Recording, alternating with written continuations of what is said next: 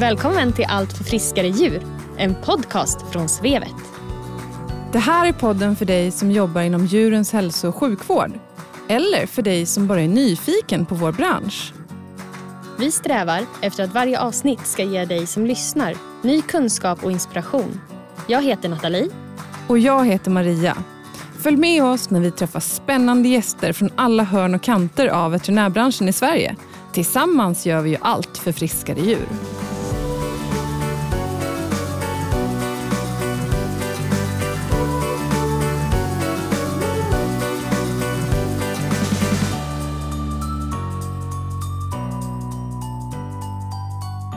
Hallå Nathalie! Hej Maria! Tjena, hur är läget? Det är fint med mig. Och idag är jag lite extra spänd på det här avsnittet. Vi ska ju prata om exotiska djur och det vet jag är lite klurigt. Det är klurigt och det är nog många som är nyfikna och intresserade också. Och eh, att få veta mer om hur de ska jobba med de här djuren. Och det kommer vi få veta idag. Ja, men det stämmer. Idag har vi med oss Cordelia Bracht som är veterinär och hon har de senaste 15 åren nästan uteslutande jobbat med exotiska husdjur. Hon jobbar på Evidensia specialistdjursjukhuset i Helsingborg där hon har en exomottagning och hon håller även regelbundet i kurser och föreläsningar för bland annat oss på Svevet. Välkommen till podden Cordelia! Hej, tack! Tack så mycket för invitationen. Kan inte du berätta lite om dig själv, din bakgrund och varför just Exotics? Ja, jag är utbildad i Norge, utexaminerad 1998. Eh, ur, ursprungligen så började jag studera biologi, för jag är väldigt intresserad i vilda djur. Eh, och naturen och mest egentlig egentligen de systemen som vilda djur lever runt och omkring i. Så um, jag var på Svalbard i to år og så fant jeg ut at uh, arbets, arbets uh, frem, utsikterna, framtidsutsikterna var ikke så bra uh, da. Og jeg ville jobbe, jobbe, med noe mer praktisk hvor jeg kunne se eh, resultatet med en gång. Så, start, så började jeg på veterinærutbildning. Det tok mange år, for jeg var ikke norsk uh, ursprunglig. Så det, for å komme inn i Norge så må du være norsk statsborger eller nordisk statsborger. Så det jeg ett for för jeg ble norsk statsborger. Så um, studerte jeg da i Norge og började med min egen lille mottagning, hund og katt, uh, helt direkte fra studien. Null erfarenhet, completely fresh. Så uh, fikk jeg en del pasienter. Fikk en sköldpadda og så fikk jeg en, en, en papegoja hade absolutt ingen aning. Jeg fikk aldri noe utbildning på, på högskolan. Eh, det, den delen som hadde med utbildning på gnagare, laboratoriedyr, eh, den var jo frivillig. Og jeg hadde på en måte aldri tatt i en kanin før jeg, før jeg altså klinisk undersøkte en kanin eller visste ingenting om, om disse dyrene. Så jeg tenkte, dette er noe stort hull i min, min kunnskap. Hva skal jeg göra? Så fikk jeg kontakt med noen veterinærer som drev eh, med dette i Oslo. Og, og så fikk jeg en jobb där. Eh, det var ikke så bra nivå på den klinikken, men, eh, men det var jo et, et, sted å starte. Og så ble jeg biten av basilen. Så begynte jeg å åke på kongresser og sånn, så fant jeg ut at dette er jo minst like interessant som, som zoologi eller biologi, pluss at man, man hjelper den här djuren Eh, och det er jo en specialisering. Det finnes jo diplomatnivåer på det så, og, og, flere felt. Eh, men man blir en generalist på alt eh, för det er så mange arter og så mange klasser av dyr. Så det er det som vekket ett intresse. Det var en gradvis forandring. Så efter fire-fem år som praktiker så var jeg nesten utesluttet eh, Exotics med lite hund og katt. Mm. Och sen dess har du pysslat bare med de her eh, djuren? Nesten, eh, nesten 100 jeg, Selvfølgelig fram til fem-seks år siden så hadde jeg litt hund og katt. Men eh, det mer og mer altså, Alle utbildninger jeg tok, var med tanke på å bli bedre inn i dette. Altså, både kurs jeg gikk på, kongresser jeg deltok i. Og til slutt så ble jeg faktisk spurt av en professor i, som nå er pensjonær doktor Adrian Smith i, på Veterinærhøgskolen og en kollega av meg som er veldig veldig trevlig, de spurte meg om jeg kunne komme og, og undervise studentene på kaninmedisin. De var jo fra forsøksdyravdelingen i, i, Norge. Og jeg inviterte dem i min klinikk i Oslo, for da, da, da jobbet jeg i en klinikk i Oslo. Og for at de skulle se hvordan man steriliserer en hundkanin, for det visste jeg ingenting om. Og han så litt i fremtiden at kanin kom til å bli eh, et eh, veldig populært kjæledyr. Altså eh, husdyr, som det heter på svensk. Husdyr i Norge betyr ku, hest og produksjonsdyr. Mens her i Sverige, er det husdyr eller kjæledyr, det vi kaller mysdyr. Um, så vi inviterte dem, og de så at jeg klarte å på en måte formidle informasjon og jeg er veldig for at det jeg kan, om jeg kan dele det, er det viktigste jeg gjør i livet, er å dele det jeg kan. Eh, og det burde være open source. Folk burde, folk burde jo lære seg ting som de skal bruke i, i sin praktikk. fordi at kan de ikke og tester seg på ting de ikke kan, så kan det bli problematisk. Spesielt for dyrene. Så tenk på dyrene først. Og etter det så ble jeg invitert til å holde et kurs. Så um, eh, jeg og min kollega vi holdt et veldig fint eh, gnager- og kaninkurs eh, som var første gang det ble gjort der og da. Og, og den ble en suksess, så den ble gjentatt to ganger. Og så fikk smådyrsavdelingen eh, øye på dette. Og, og, da var det sånn at uh, inviterte flere og holdt en kaninkurs senere. Uh, og så forsto de at nå må man, man må gjøre dette. Så jeg ble igjen på en uh, fågel- og reptilkurs. Og invitert til å forelese i en ny kaninkurs. Så det, det, ble veldig veldig bra. Og nå har de jevnlig kurs som Svevet har på eksotiske dyr. Så sånn, sånn er det. Mm. Um och sen har du börjat på en uh, ny utbildning, eller du ska precis till att börja på en ny utbildning. Kan du inte berätta lite om den? Ja, jeg blir student i mine gamle dager. Jeg er 57 år, så hvis jeg kan, så kan alle, holdt jeg på å si. Um, jeg, eh, denne pandemien har uh, hatt veldig negative innvirkninger på verden, men en av de få positivene er at uh, man kan faktisk ta utbildninger på nett nå, uh, mer enn før. Og Universitetet i Edinburgh erbjuder en uh, Advanced Clinical Practice Certification, eller masters, beroende på hvor lang tid og hvilke du skal studere. Så jeg har satset på å ta en certification in Advanced Clinical Practice Wildlife and Exotic Pets. Og jeg skal ta åtte kurs, og, og det er kun exotics uh, innriktet. Jeg skal sløyfe wildlife nå, får jeg se hvordan, om jeg har penger eller råd til det og gå videre på det. Men det er bare for å få litt mer altså akademisk eh, innflytelse på hva jeg underviser i. Eh, og kombinere akademia med klinikk, klinikken. Det syns jeg er viktig. Eh, man må finne balansen hele tiden på det. Og det er i vet ikke hva i Edinburgh, universitetet i Edinburgh. Så det kan ta to og fire år beroende på, på hvordan jeg klarer det. Jeg er litt gammel, så spørsmålet om ikke fester seg på min gamle hjerne. Så det er det. Mm. Vad bra at du nyttjar coronatillfället og tar lite utbildningar istället. Det er vel klockrent? Ja, det tycker jeg. Ja. Det burde alle gjøre. Precis. Eh, vi har fått lite input ifrån lyssnare som gärna vill veta hur man gör en klinik eh, exotic-vänlig. Så vi tänkte att vi lägger upp det lite på det sättet i det här avsnittet. Och då ja. börjar vi redan i telefonen. Vilka är de viktigaste frågorna som vi behöver ställa när vi har just en exotic-patient på väg in till kliniken? Ja, det är faktiskt en av de viktigaste hurdles, eller barriärer man skal lære seg å håndtere når det gjelder exotics Og medicin. Det er superviktig på att um, det er spesifikt type telefontriage, som jeg kaller det. Det er vesentlige forskjeller mellom hund og katt og de fleste exotics. Og man må også tenke på at det handler om dyr fra forskjellige klasser, sånn som f.eks. degur, pattedyr, fugler, reptiler, beinfisker, brystfisker, amfibier og artropoder. Det er helt ulike klasser dyr.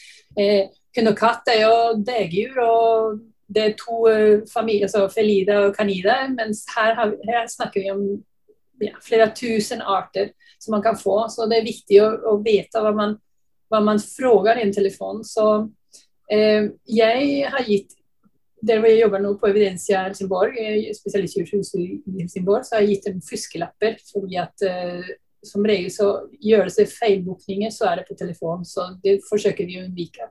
Så jeg lager en fuskelapper for fugl, fuskelapper på iller, fuskelapper på kanin osv. Og Grunnen til dette er f.eks. at reptiler har en, en klar grense på hva som er en akuttilfelle, i motsetning til en fugl. Så for en reptil som blør litt og veier og en viss vekt, så er det ikke så farlig. Pluss at reptiler det tar lang tid ved visse prosesser. Det finnes selvfølgelig akutte tilfeller hos reptiler også, og det skal man, man tenke på. Men eh, en, som, en, liten fogel på 30 gram som blør, noe helt annet enn en skilpadde på en kilo som blør litt fra en klo. Så det, man må jo tenke på det. En annen ting som er viktig, er at byttesdyr, altså prey animals, døljer symptom, de skjuler symptom. Uh, så når eieren oppdager sykdommen, Eh, så er den eh, som regel akutt. Og sykdommen er, eller når eieren oppdager symptomer, så er, akutt, eh, er, sykdommen akutt. Og sannsynligvis veletablert. Så nå snakker vi om kanskje en systemisk tilstand som, som må, må, håndteres. Eh, og det som jeg sier, noe akutt for livstruende for en 30 grams fugl er, er, ikke så akutt for en 3 kilograms kanin. Så det måtte man kunne. Så jeg har satt regler til våre resepsjonister på telefonsamtaler med kunder. F.eks. at det skal ikke ta mer enn tre minutter. for man skal jo, man, Det er ikke bare dyret man behandler, det er jo hele systemet rundt dyret, eier, hjem, miljø osv. Så, videre. Så man diskuterer ikke eventuelle diagnoser på telefon. De fleste som ringer, har redan inni huet sitt 'min kanin har det og det'. ikke sant? Så jeg vil at uh, våre resepsjonister skal fokusere og spørre på hva er symptomen hva er det som avviker fra den, den, din kanin vanligvis.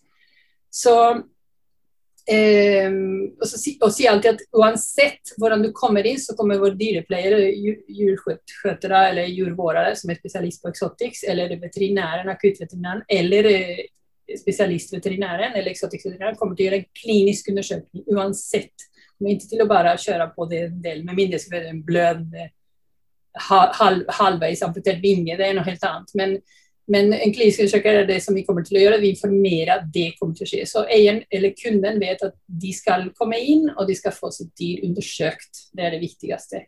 Og så En annen ting de skal få på telefonen, er en anamnese. Og den Anamnese skal innebære følgende punkter. De skal vite arten. Og så skal vite hva slag for species, art, ikke ras. Det er noe helt annet. Det er en human construct. Men hvilken art om de kan arten på latin, så er det også OK, for det er mange som har en skjelpadde. De har feil art, de vet ikke hvilken art det er. For, for exotic spett så er dette veldig viktig å vite. Alder, om de kan alder på sitt dyr, i motsetning til hund- og katteeier, så er det mange eksotiske eier som ikke vet hvilken alder sitt dyr er. Kjønn. Det er ikke alltid så lett å vite kjønn på visse dyr. Det er også veldig viktig, for det viser sykdommer, spesielt på reptiler og fugler, er akutte pga. at eh, kjønnet er involvert, som en horn, eggleggingsproblematikk eller pre- eller postovulatorisk problematikk. Eh, og så er det For kaniner så vil vi vite om de er vaksinert. For Vi vil ikke ta dem imot hvis de ikke er vaksinert. Da vil vi, da vil vi vite om at ikke vi ikke får inn eh, kaninpest eller hepatitt type 2 eller 1 på klinikken før vi tar dem inn og vi forbereder oss. Og så vil de spørre har de flere dyr hjemme, og hva slags art disse dyrene er. Om de lever sammen eller ikke. Og hvor er dyret kjøpt? Er den kjøpt på Blocket, i butikk hos en oppdretter, eller overtatt eh, som rescue? Adoptert. Eh, og da får vi en del informasjon om familiedynamikken rundt det dyret. Og så, hva har skjedd? Hva har skjedd? Hvorfor ringer du oss? Hvorfor ringer du oss akutt, eller hvorfor ringer du oss for en, en, en, eh, Nå tenker jeg litt mer akutt triasje, da, men eh, poliklinisk triasje er omtrent det samme, bare litt lugnere. eh, og hvor lenge har du sett observert uh, symptomene, altså varighet på symptomene? Og så forsikring. Er dyret ditt forsikret eller ikke? Fordi det er veldig viktig å forberede seg for veterinæren når vi da gjør vår økonomisk triasje senere.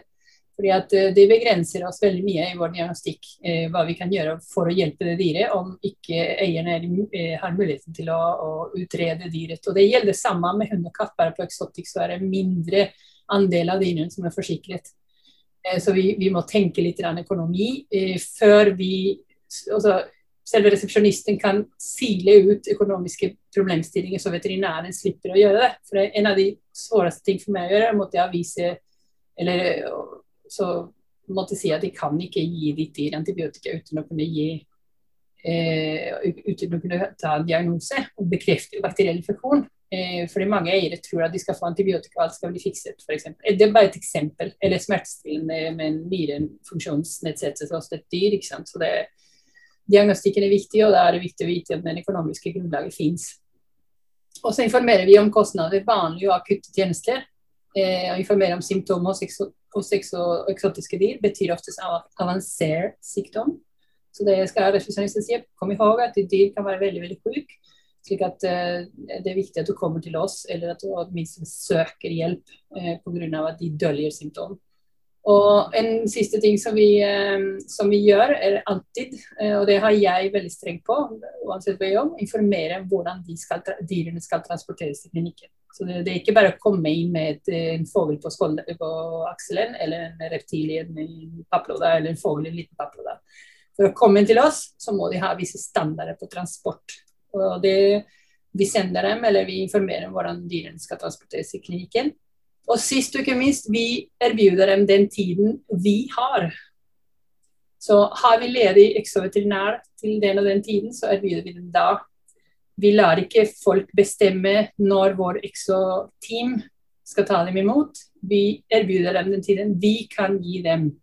Eh, og det har, eh, Vi kommer sikkert på vise Eh, faktorer senere i podkasten. Men det er veldig viktig at eh, vi, den dagen vi tar imot den syke kaninen, kan vi ta imot den syke kaninen eller den syke fuglen. Det er ikke kunden som bestemmer, men det er vi som kan Det er Eksakt samme som når vi søker tid hos en revmatolog eh, på sykehus eh, på vanlig humanvård, eh, så er det de som eh, sier til oss når du skal få tid hos spesialisten. Og det her med eksotikksyre er veldig spesielt, spesielt når vi jobber i et eh, sykehus som behandler mest hund katt og hest. Så det er derfor veldig viktig at vi erbjuder den tiden. Så det var det, det telefon, eh, telefoninngangen, liksom. Den første hurdle før, før vi kommer.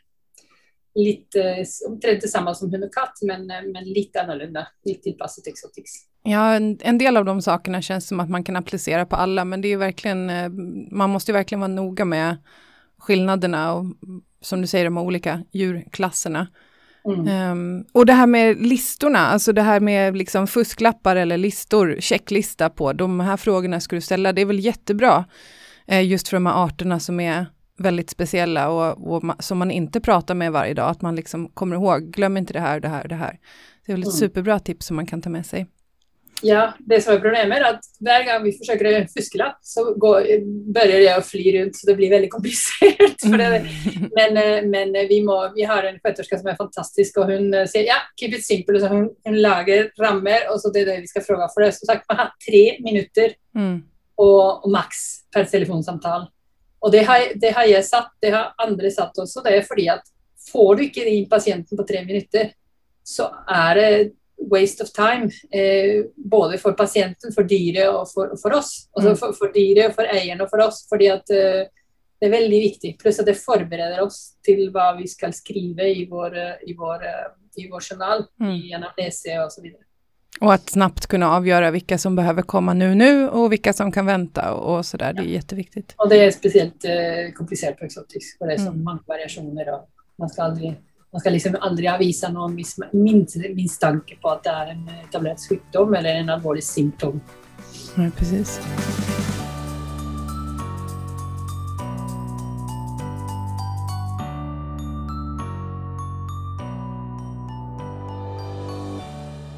Och när man har kommit in till djurkliniken och kommer till väntrummet, vilka anpassningar ska vi göra där?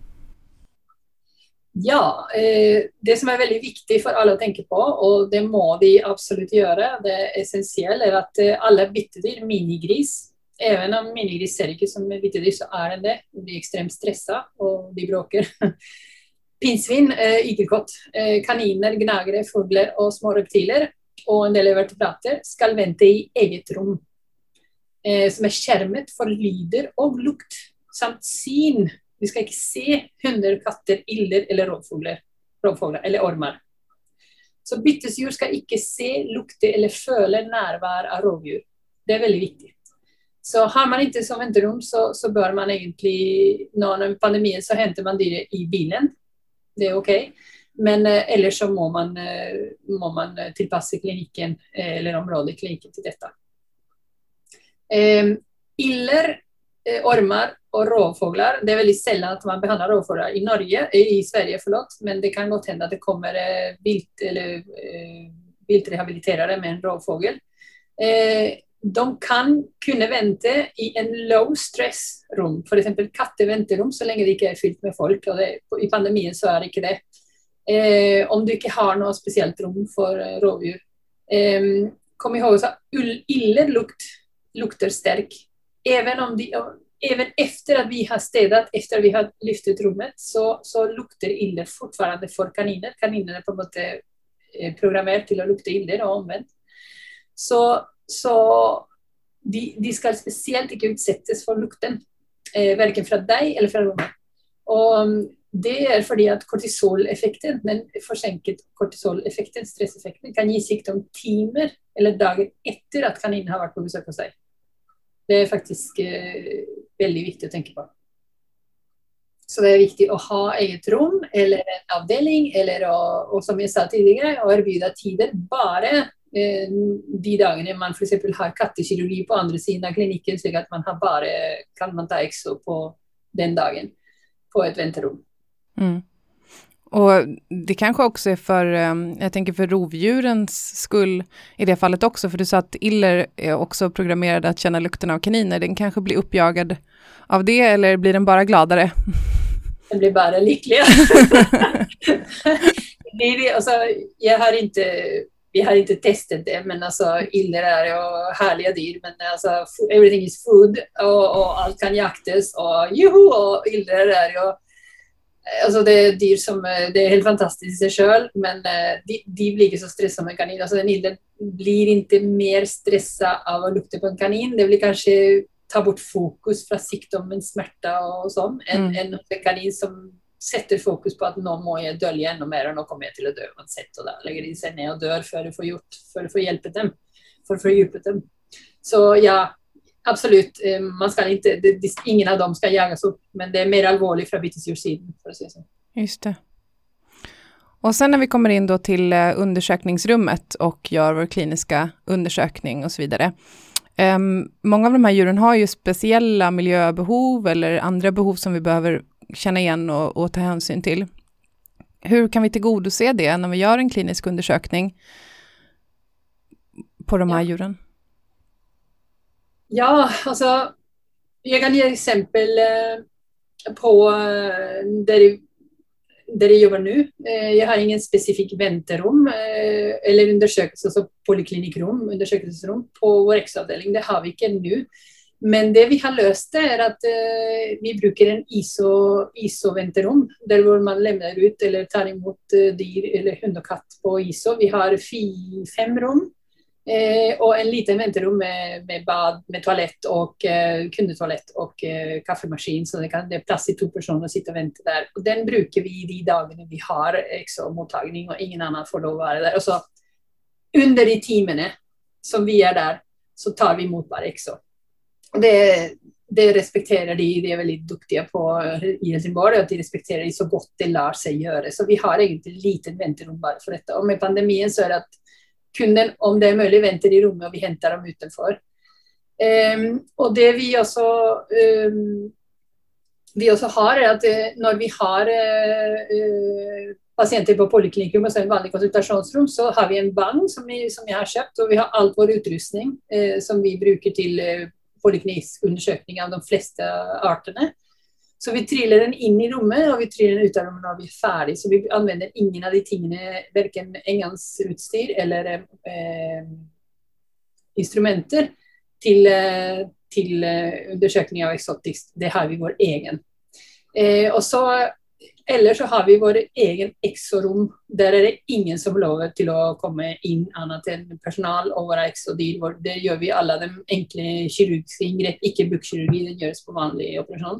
Vi gjør tannbehandlinger og vi gjør uh, medisineringer, injeksjoner, uh, grooming, sånn som nebb og klojusteringer osv. Der har vi også en liten indre rom som er nesten en liten kott. hvor vi har fire inkubatorer og en terrarium. Ehm, men når det gjelder poliklinikkrommet, så er den stedet og rent eh, eh, før vi kommer inn, den dagen vi har eksotikkmottagning, og vi steder og rengjør den etter, og ingen av våre greier er der. Så vi har løst det på det viset. Vi, vi har det tre dager i vekka. Og det har fungert veldig veldig bra, eh, spesielt nå under pandemien. Det kan bli litt mer problematisk når folk får lov å vente sammen. Eh, men eh, jeg tror det er veldig viktig å ha egen venterom og egen behandlingsrom og egen poliklinikkrom. Man sier at for å ha en fullverdig exo-avdeling i en klinikk, så burde man ha tilgjengelig tre rom for dette. Så det er det, det er viktig. Og iller Eh, vi, boken, vi, forsøker å aldri, vi forsøker aldri ha eh, iller eh, og kaniner i samme, samme tidsintervallet. Så vi forsøker å ha alltid ille på slutten av dagen. Eller en ille når vi ikke har booket noen kaniner overhodet på dagen. Og da tar vi dem ikke imot i samme rom. Da bruker vi av hunderommene eller katterommene til å ta imot iller. Pluss at jeg bytter klær, og jeg bruker en spesiell frakk eh, når jeg behandler indre, om jeg skal ha kaniner senere. Når det er sagt, så har ikke jeg akuttmottagning. Eh, så jeg har poliklinikk, eh, kirurgi, tann og så videre, eh, og litt vård. Men eh, de som er på akutt, har fått instruksjon å gjøre det samme. Så de får ikke lov å ta iller og kaniner i samme rom eller bruke samme klær. Just det, for når det er akut da får man gjøre litt provisorisk og efter beste formåga, bare, for da er det jo akut. Ja, absolutt. Det er ingenting man kan gjøre. Men eh, det er veldig viktig. En akuttsyk kanin behøver ikke lukte nille. Nei, virkelig ikke. Mm. Vad får man inte missa när man gör en klinisk undersökning av de här olika djuren? Har du några exempel på vad man inte får missa? Oj! Uff, det, man ska inte missa någonting. alltså, det, är det, som är, det är det som är konsten och det är en ting är man kan jo ha all den akademiske kunnskapen og alt, men praktikken, altså den, den kliniske håndteringen som er viktig å er, erverve seg og gå sammen kanskje med en litt erfaren exovet for å lære seg. Um, de fleste veterinærer jeg hjelper når det gjelder meg, har fått lære av meg at alle dyr, samtlige dyr, uansett dyr, skal gjennomgå en artstilpasset, dvs. Si en uh, ja, arts... Uh, eh, klinisk undersøkning. Fordi du kan ikke undersøke klinisk en hund eller en katt på samme vis som en fågel eller en kanin. Det er ulike ting du skal gå gjennom. Så uansett presentation, eh, med få undantag, så skal man eh, f.eks. en traume eller skade, en aktiv blødning eller en dyspné, så skal man gjøre en, en, en klinisk undersøkning på et dyr som er artstilpasset.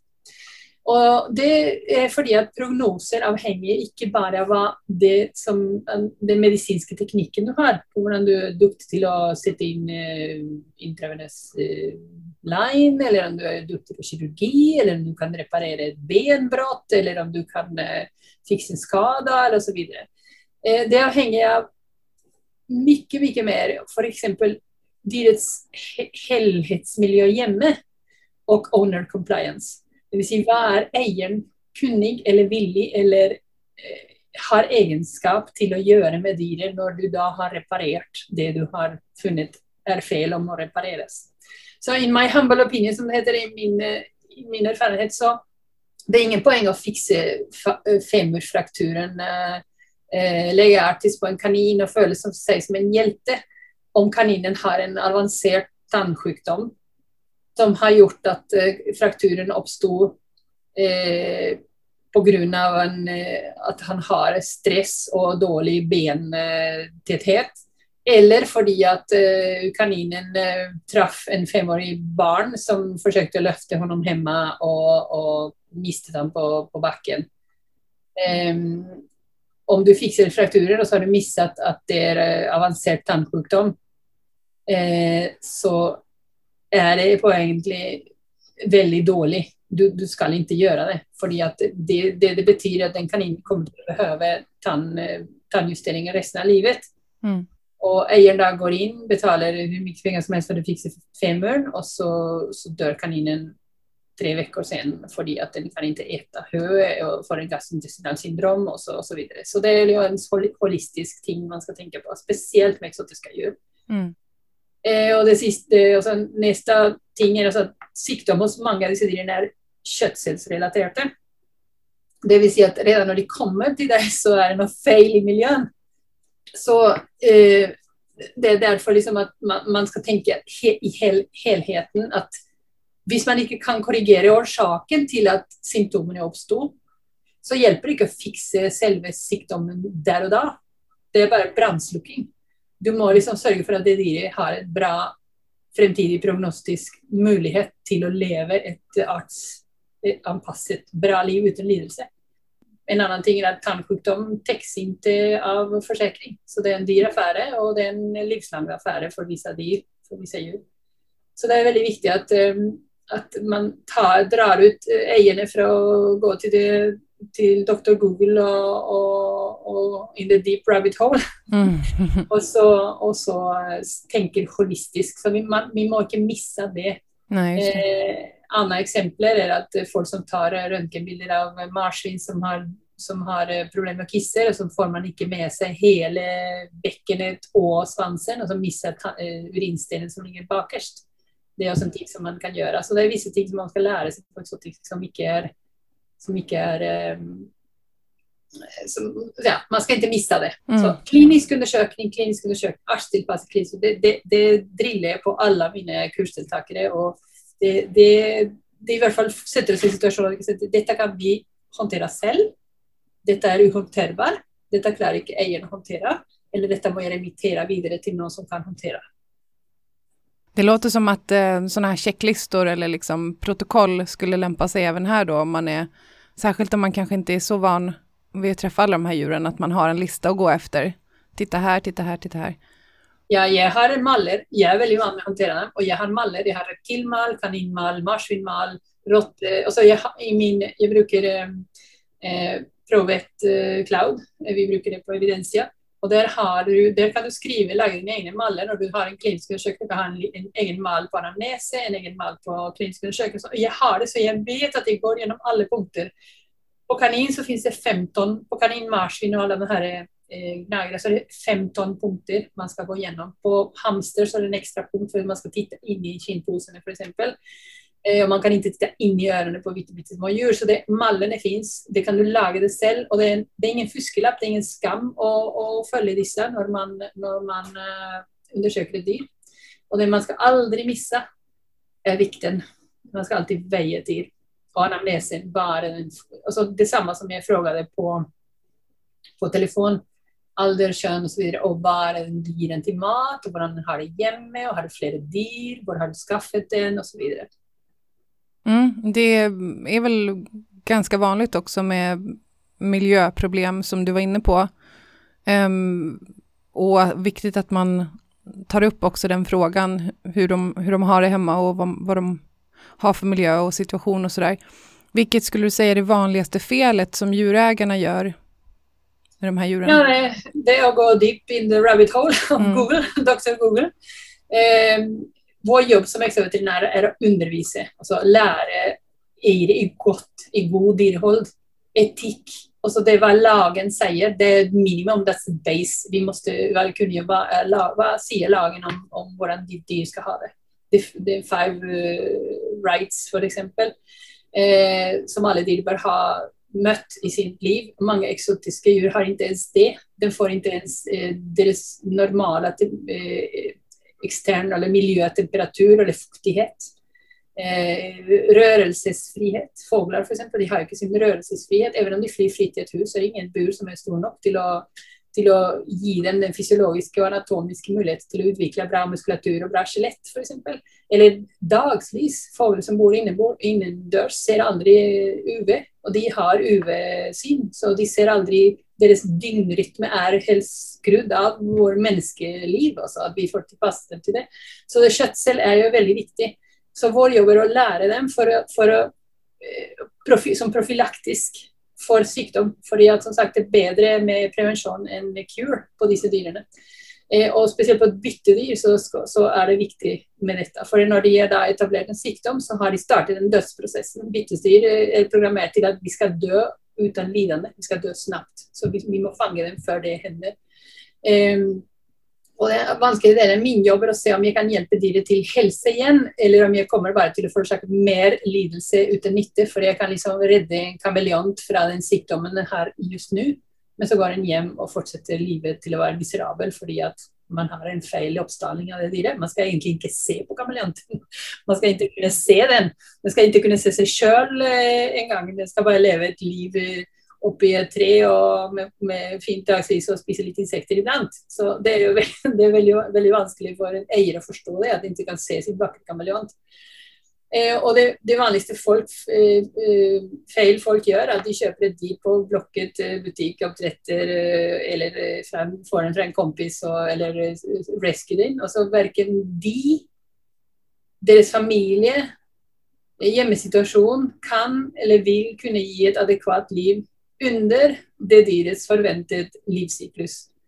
Så det, det er det, det, det vi, vi, er dealing with også. Jeg har også fått flere veldig dedikerte dyreeiere som gir f.eks. Eh, korn til sine marsvin. For de skal få, Jeg vet ikke hva de tenker på at de skal få, men eh, eh Og masse, masse, massevis av eh, eh, tilskudd og, og, greier. En annen typisk eksempel er papegøyefugler fra tropiske verdensdeler som får eh, frø som basisdiett. Og når man tenker på disse frøene, de, de fleste av de frøene er ursprunglig dyrket i Mellomøsten, i Mesopotamien.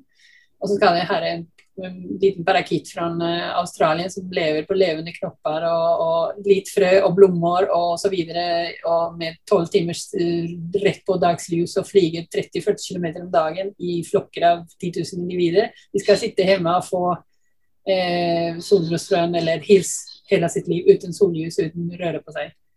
Det er jo en vanlig, en vanlig råd folk gir. Gi dem deres frøen. Eh, en annen ting som folk gjør, er at de gir eksodyr, kaniner, eh, marsvin, eh, til barn under 15 år. De gir det som en gave, eller de skal jo erstatte deres behov for eh, husdyr eller kjærlighet til, eh, til et barn under 15 år.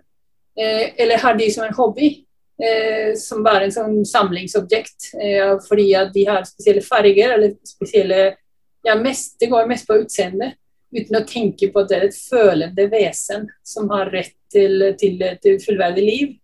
Og disse dyrene lever i en liten boks hele sitt liv, og det eneste de har, er å bli blist fram på en, på, på en utstilling eller en reptilmesse fordi de har en spesiell farge i sin hud eller i sin fjæderdrakt. Så det, det, er veldig viktig. Det, de fleste av feilene er jo så grunnleggende at vi, vår viktigste eh, funksjon er å være forsiktige undervisere og spre kunnskap. Og ha den balansen til å keep it simple. Mm. Altså, det finnes jo veldig mange bra ressurser hvor man kan keep it simple, men være konsekvent med din informasjon og undervise eierne. Det er derfor de betaler for.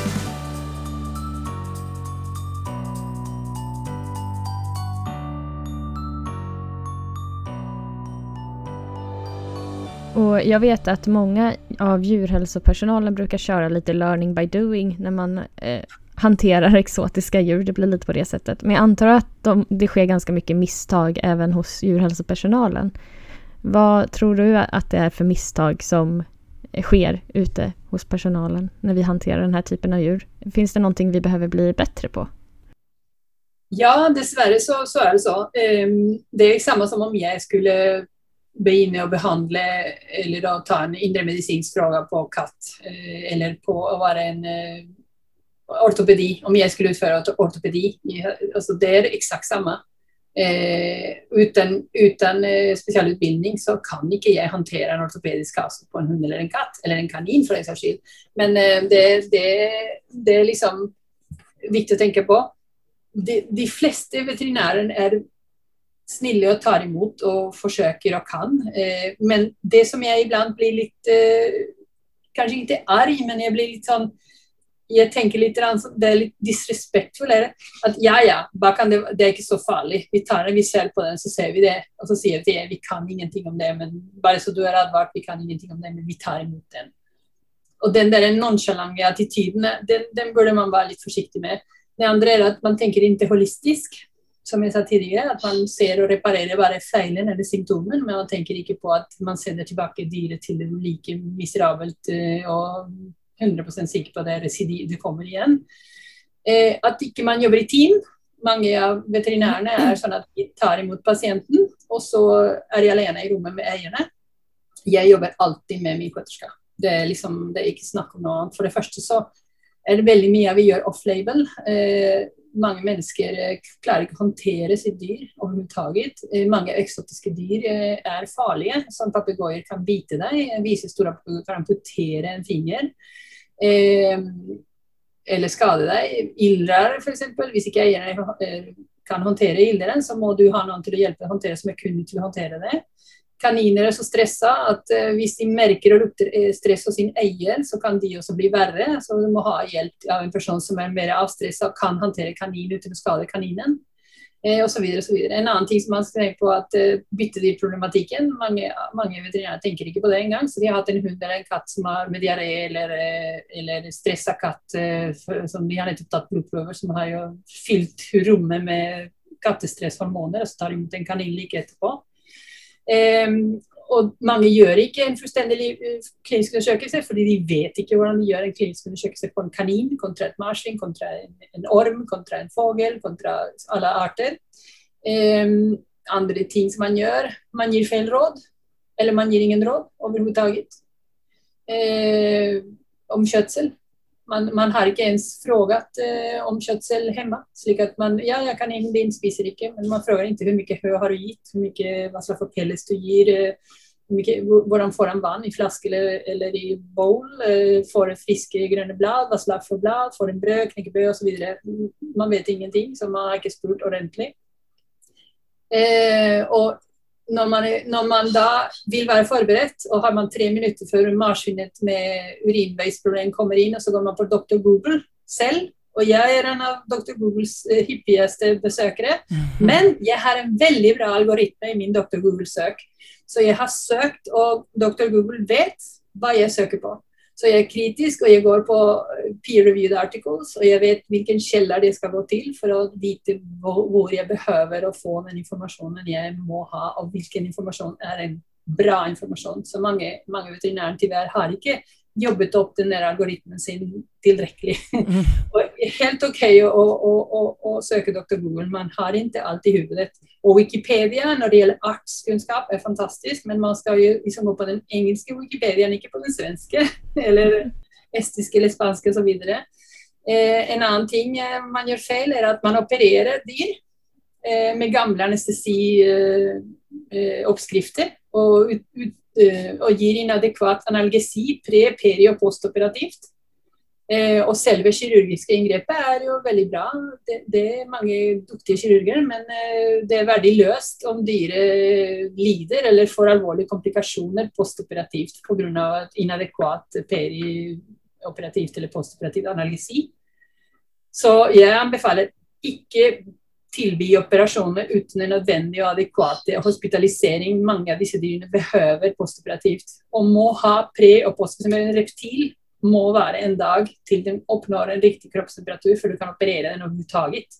Og så må det være kanskje én, to, tre dager postoperativ før den våkner igjen og kan gå hjem. Ikke, så det, det, det er såpass. Og andre ting, Oppstalling skal også være i et separat rom.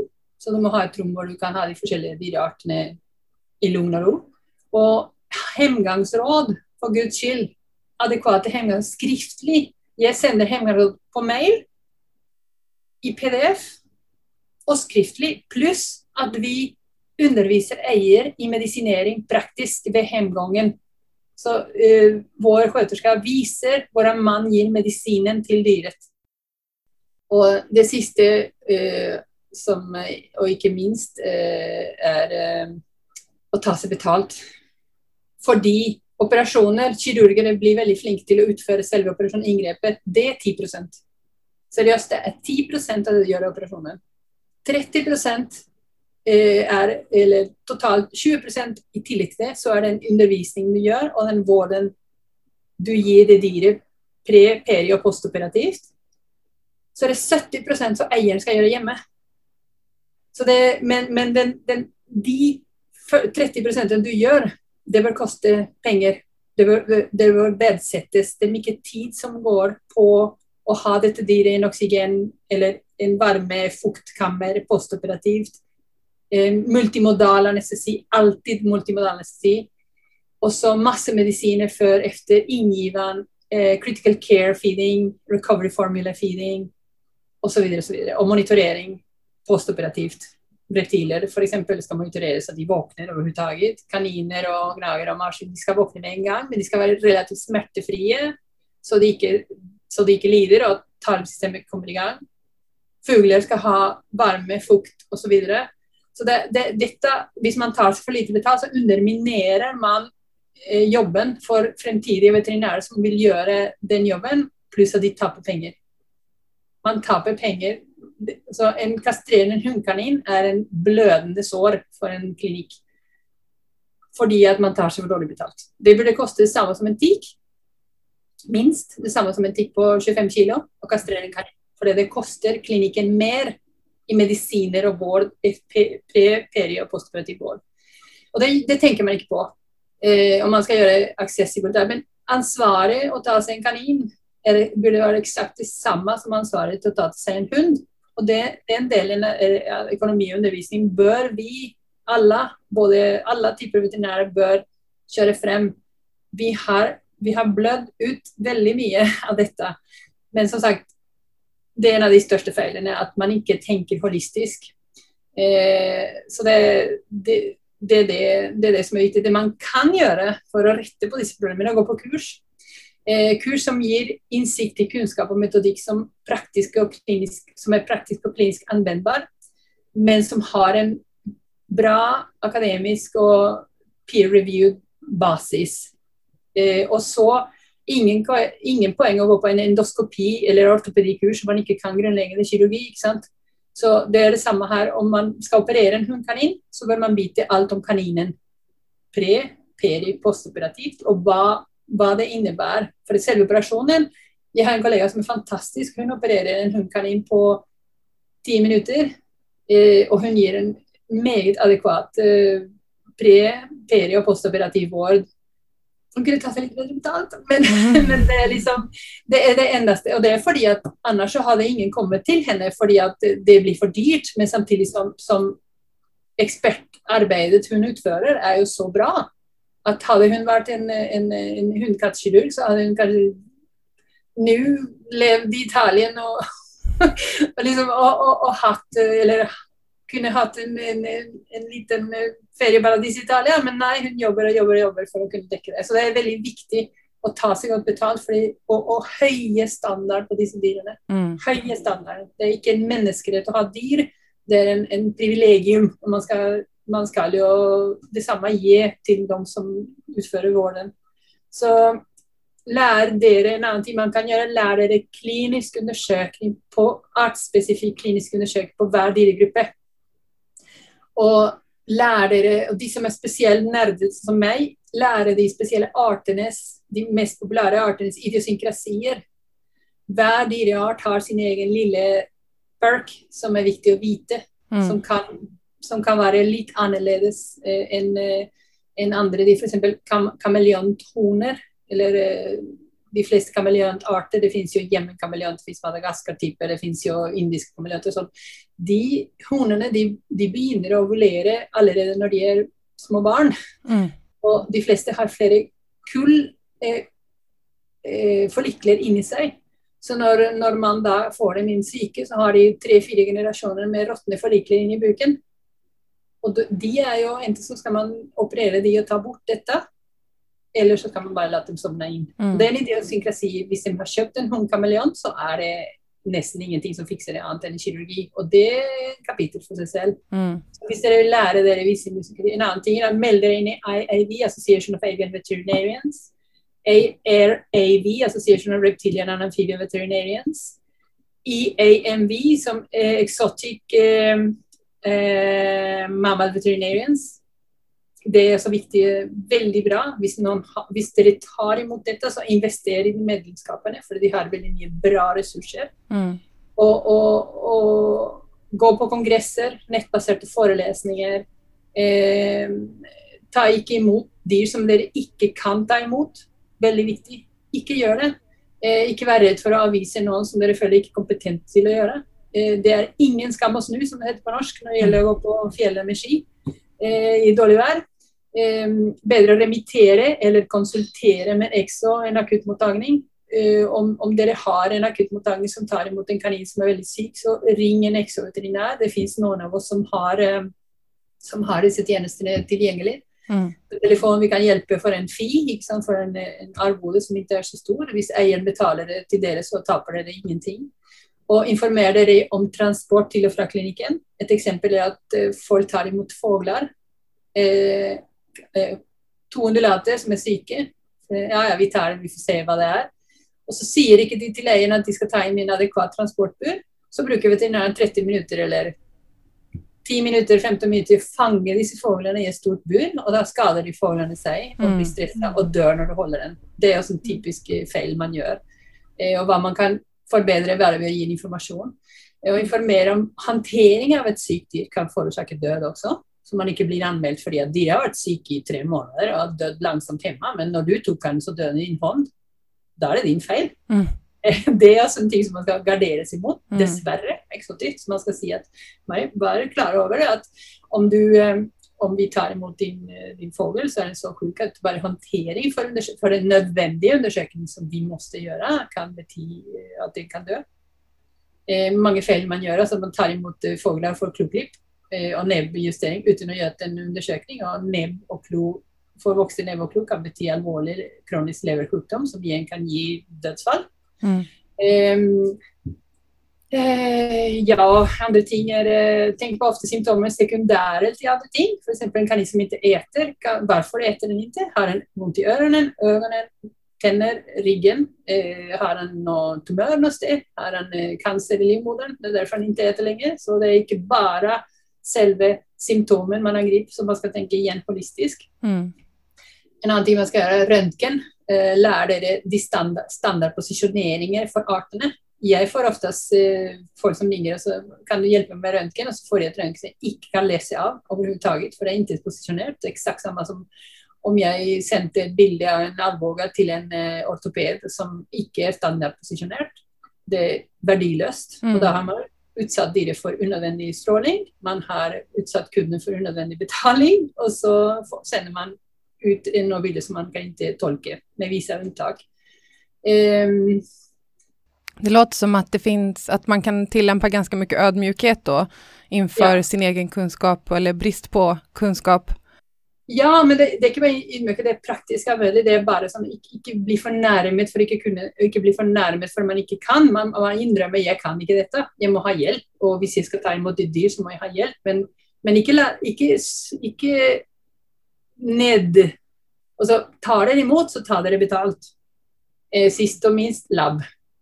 Ha laboratorierutiner for EXO på klinikken.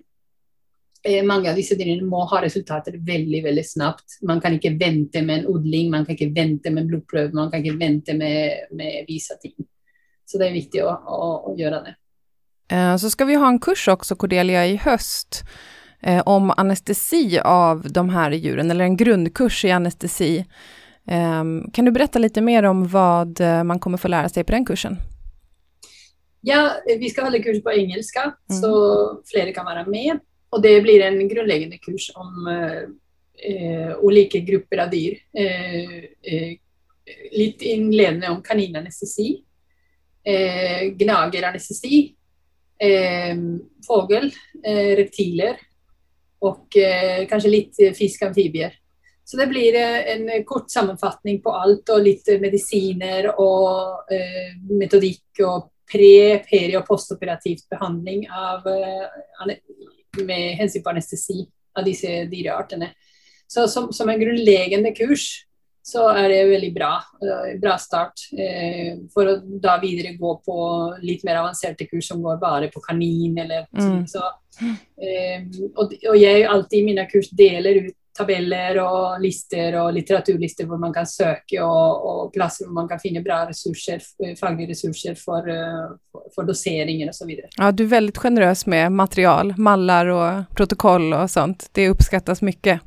Ja, men det er viktig. Mm. Uh, altså, man betaler ikke bare for den tiden uh, man, uh, man lyssnar på. Det går ett øre og kommer ut en andre. Og, og, jeg kommer ihåg at alltid når jeg går på kongresser, så er det oh, jeg kan masse, og så går det en måned, så har jeg ikke fått anvendt, praktisk anvendt det jeg hadde på det, det kurset eller den kongressen. Så går det bort. Mm. Og prioriterer det daglige livet. Så, så, det er viktig å ha og dele ut kunnskap. Mm. Det, det wow, vad spennende den här kursen skulle jag vilja gå. Hittar man den på Svevets hemsida då, eller vart hittar man den? Självklart, den kommer ut på Svevets hemsida. Cordelia, om du får välja tre saker som du vill att dina kollegor ska ha med sig från att ha lyssnat på det här avsnittet, vad blir det då, helt kort? Mine råd er å gå på kurs og lære dere artspesifikke kliniske undersøkelser på de artene dere skal ta imot, og bestemme dere hva dere skal ta imot. Kaniner er en veldig bra start, det er veldig populært dyr. og, og og det er noe alle klinikker burde kunne ta imot, i hvert fall det basic som vaksineringer, kastreringer, uh, steriliseringer og, og, små kliniske undersøkninger. Og så ta ikke imot, men remitter de akutte kasus til Exovets om dere, om dere har den minste tvil eh, om diagnose, prognose eller behandlinger. Eh, med mindre det er akutt, hvis dere har akutt mottagning, gå på kurs om akutt behandling av exodyr. Um, og så uh, tilpass klinikken for disse dyrene om dere vil ta dere imot. Det er de tre viktigste råd som jeg har å gi her og nå. Jättebra punkter. Tack snälla Cordelia för att vi fick prata med dig. Vi har en sista fråga som vi ställer till alla våra gäster och det är om det finns någon speciell person eller något specifikt ämne som du skulle vilja höra mer om i Allt för friskare djur. Ja, alltså jag har en, eh, en venninne som heter Marit Emilie Buseth, som er eh, norsk, eh, som, som, har skrevet et par bøker om kaninvelferd. Eh, hun hadde kunnet tenke meg at dere hadde en podkast med i samarbeid med Svensk kaninvelferdsforening. Det hadde vært veldig interessant for veterinærer, for det er et dyreart som flere og flere kommer til å ta imot i alle, i alle landsdeler. Mm. Tack så jättemycket Cordelia för att du ville prata med oss idag. Det har varit jätteintressant. Tack själv, det är alltid intressant. tack snälla. Och tack alla lyssnare som har lyssnat på det här avsnittet också. Skulle ni ha någon feedback som ni vill ge oss så gör ni det enklast via vår mejladress som vanligt podcastsrevet.se Och sen så finns vi på sociala medier både på Instagram och Facebook och LinkedIn och där heter vi kort och gott Svevet.